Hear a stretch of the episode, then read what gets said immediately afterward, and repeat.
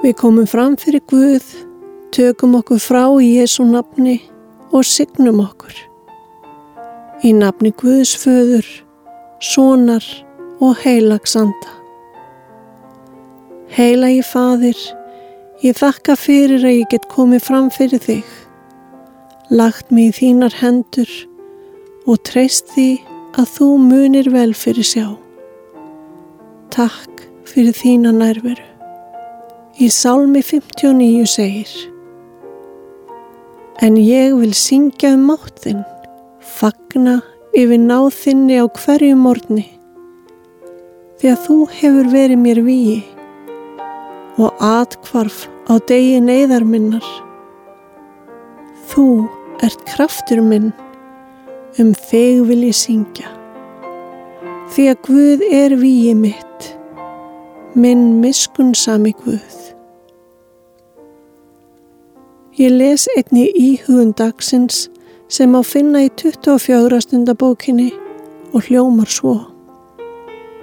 Færðu Guði þakklátt hjarta þitt að gjöf. Reyndu að sjá dæmi þess úr daglegu lífi þínu. Að þú eigir að vera þakklátt.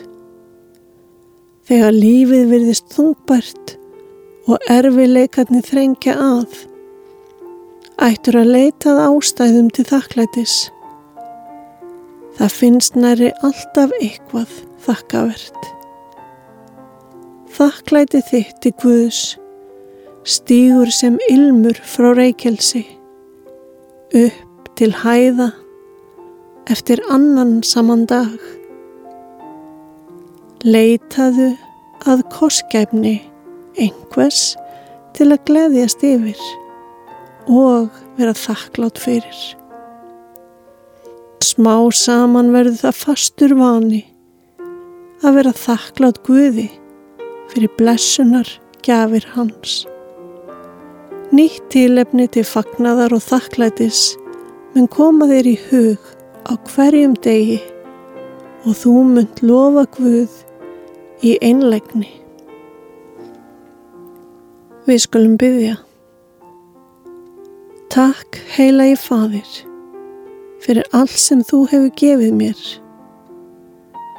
Takk fyrir lífið, heilsuna sem ég hef og fyrir daginn í dag. Takk fyrir heimilið mitt, fólkið mitt og afkomi mína. Takk fyrir alla mína líkamlegu getu og takk fyrir allt sem ég hef fengið að sigrast á. Í Jésu heilaga nafni. Allar aðra bænir sem búa í okkur felum við í bæninni sem Jésu kendi og segjum saman. Fadir vor, þú sem ert á himnum, helgist þitt nafn, til komi þitt ríki, verði þinn vilji svo gjörðu sem á himni. Gef oss í dag vor dagleg brauð og fyrir gef oss vorar skuldir svo sem við er og fyrir gefum vorum skuldunautum. Egi leið þú oss í fristni, heldur frelsa oss frá yllu, því að þitt er ríkið, máturinn og dýrðinn, að eilífu. Amen.